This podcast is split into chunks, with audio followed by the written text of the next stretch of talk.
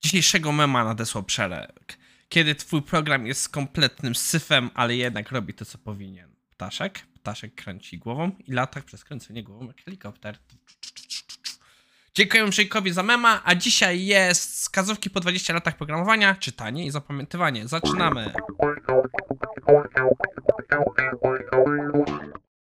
Cześć, nazywam się Maciej Wyrodek, a to jest IT Morning na 25 maja. Nie wiem jak u was, ale w momencie, gdy nagrywam, tutaj pogoda nie wygląda za wesoło. Zaraz mam iść z psami na spacer i jakoś się mi to nie uśmiecha. W czwartek będę mówił na konferencji, w piątek będą warsztaty po konferencjach i jestem dalej w trakcie przygotowania materiałów. Przyznam się szczerze, ostatnie parę tygodni to jest zajazd. Więc nie tracąc czasu, przechodzimy do materiałów. Co piję? E, Dopijam iced tea. Zielonej herbaty. E, Naszym pierwszym materiałem jest e, przemyślenia pewnej osoby po 20 latach pracy w IT. Oczywiście tego typu przemyślenia zawsze są hmm, anegdotyczne, czyli nasze doświadczenia mogą być inne, ale jednak myślę, że warto się im przyjrzeć. Już parę razy robiliśmy takim przyjrzeniom, patrzyliśmy na przykład na e, moje przemyślenia z 10 prac IT, lat w IT, gdzieś tutaj będzie link. Gdzieś kiedyś mówiliśmy o także Maćka Trojniarza, e, jeśli nie zapomnę, to będzie kolejny link. I akurat parę innych przypadków.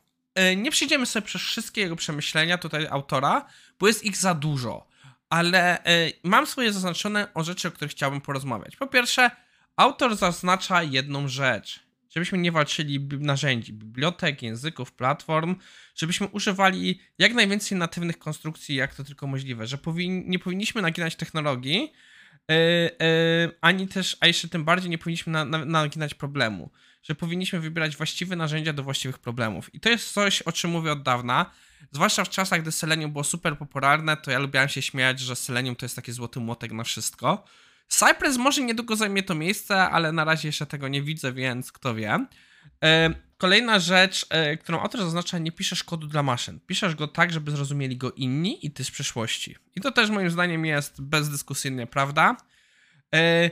E, Kolejną rzeczą, która może być e, trochę problematyczna, to jest, autor mówi deprecate yourself, czyli żebyśmy stali się po prostu, żebyśmy przestali być istotni. O co chodzi? Chodzi o to, że nie chcemy być go-to pe- osobą do naszego kodu. Chcemy, żeby inni mogli z niego korzystać, byli w stanie w nim naprawiać bugi, znajdować rzeczy, pisać w nim rzeczy, żebyśmy nie byli bottleneckiem. Że tak naprawdę coś, co mi się często podoba, już mówi Alan Page, że jego głównym zadaniem jest spowodować, żeby nie był potrzebny w firmie.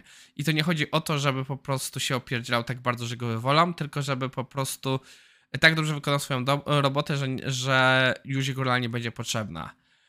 Ym, Kolejną rzeczą, która mi się bardzo spodobało, to autor mówi o tym, że zdaj sobie sprawę, że kod ma swoje cykle i prędzej czy później umrze. I autor porównuje to trochę do samochodu, że mamy rzeczy, które są nam potrzebne, czyli na przykład ym, na silnik są rzeczy jakieś dodatkowe, jak na przykład no, zapasowe koło. Wydaje mi się, że nie jestem pewien, czy bym się zgodził, że zapasowe koło. Myślę, że można bym powiedział si- siedzenia dla pasażera i tak dalej. Rzeczy właśnie takie added value, gdzie on to powiedział, na przykład podstawki, podkupki w samochodzie. No i jakie rzeczy, które czynią nasz y, produkt lepszy niż konkurencja, czyli nasze wyjątkowe selling points. I na przykład powiedział też, że no, powiedzmy nasz samochód jest najlepszym offroadem. Bardzo mi się podoba idea, że właśnie musimy się pogodzić, że nasz kod prędzej czy później umrze, że nieważne jak szybko napiszemy kod, w pewnym momencie stanie się legacy.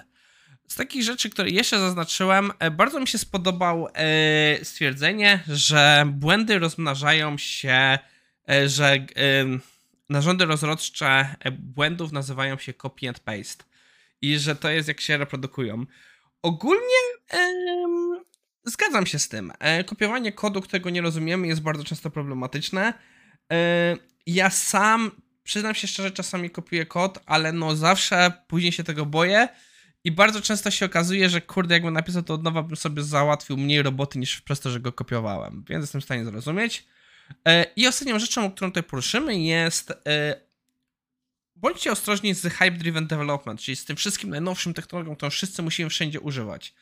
E, O to oznacza, że warto się uczyć i jak już nieraz mówiliśmy, że pet projekty są super ważne, ale to oznacza, żeby nie dać się ponieść hype'owi. I są inne ważne rzeczy, o których autor mówi, ale wydaje mi się, że porozmawialiśmy już dość o tym artykule. Jeśli na przykład go przeczytacie i znajdziecie jakieś inne ciekawe punkty, dajcie mi znać. Idziemy dalej. E, wczoraj tak chyba to było wczoraj, mieliśmy odcinek o czytaniu i dzisiaj idziemy za ciosem, jest kolejny właśnie post z tamtego blogu o tym, jak pamiętać, co czytamy.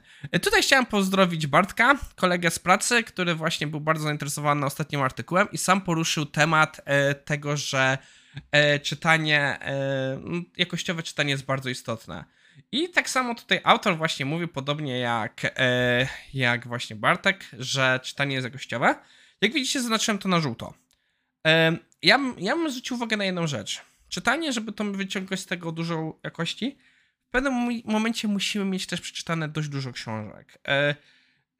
To nie jest tak, że zostaniemy krytykiem po obejrzeniu jednego filmu. I bardzo często, żeby móc zbudować sobie jakieś rozbudowane opinie, musimy czytać odpowiednio dużo, widzieć odpowiednio dużo rzeczy, żeby mieć dość szeroki punkt widzenia. E, oczywiście, jak już mamy naszą bazę, już potrafimy e, odwołać się w naszej głowie do pewnych rzeczy, to wtedy się zgadzam w pełni, że quality over quantity. E, kolejną rzeczą, z którą ja się nie zgadzam, jest speed reading is bullshit, czyli że czytanie, szybkie czytanie jest nic nie warte. E, nie zgadzam się z tym. Dlaczego? ja obecnie czasem może nie praktykuję wszystkich rzeczy szybkiego czytania, ale dalej stosuję dużo trików wyniesionych szybkiego czytania. I no, no, e, uważam to za bardzo wartościową technikę. Jedną rzeczy, które trochę mówię z głowy, bo nie mogę przypomnieć sobie researchów, jest, że jest korelacja z naszą prędkością czytania, a naszym zrozumieniem tekstu. Że e, wynika to między z tego, że powiedzmy nasz umysł myśli w pewnej prędkości, i jak czytamy wolniej niż ta prędkość, to dajemy mu dużo czasu, żeby się nudził i odpływał. Więc czym szybciej czytamy, też potrafimy bardziej się skoncentrować na tekście, dzięki czemu więcej z niego wynieść. Ale też jest dużo innych metod, które pomagają w szybkim czytaniu, żeby ono było też wartościowe. E, podejrzewam, że autor tutaj część tych rzeczy zapisze do aktywnego czytania, ale moim zdaniem to są e, dość podobne rzeczy, więc ja się z nim nie zgadzam. E, szybkie czytanie jest wartościową techniką. Ja bardzo dużo z tego korzystam przy nagrywaniu IT Morning, przeglądaniu artykułów, zwłaszcza przy przeglądaniu artykułów, które idą e, do materiałów. E, kolejna rzecz, z którą się zgadzam, ale jest ma małe ale, to jest, że serwisy, które oferują streszczenia książek, bardzo często, no, to jest taki hit and miss, nie zawsze są wartościowe pełni się z tym zgadzam. Ja próbowałem parę, chyba Blinkly czy jakoś tak, że Blinksty, już nie pamiętam nazwy, korzystałem przez pewien czas. I jakie streszczenie książki, której nie czytałem, jest to bezwartościowe. Nie widziałem w tym wartości, ale na przykład, jeśli już książkę było jakąś przeczytałem i próbowałem sobie odświeżyć, czyli żeby przy, sobie przypomnieć, e, jakiś termin i tak dalej, te serwisy e, są bardzo spoko i w tym wypadku mogą być wartościowe. Oczywiście z mojej perspektywy trochę są za drogie na taką wartość, ale nie, dlatego nie się powiedzieć, że są w pełni e, niezgodne. E, jest to jeszcze parę innych rzeczy, o czym już mówiliśmy. Jeśli książka nas nie porywa, nie powinniśmy jej kończyć. E, dalej autor właśnie, autor, autorka? Nie ma napisane. E, dalej wchodzimy właśnie w sekcję dyskusji, która jest podzielona na dwie rzeczy. Aktywnego czytania i y, rozumienia, co czytamy. I tutaj jest bardzo dużo rzeczy, których już nieraz rozmawiałem, że na przykład jak wygląda aktywne czytanie, że aktywne czytanie składa się z różnych elementów.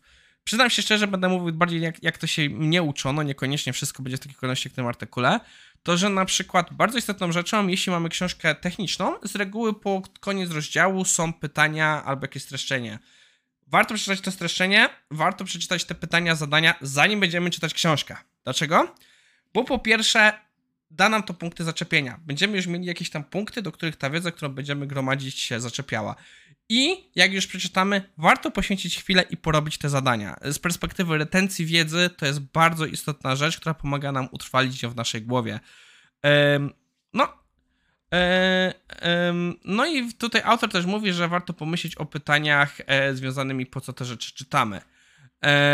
Ja bym jeszcze też zaznaczył, e, tutaj autor mówił o, gdzie jest to oddział w wyciąganiu. E,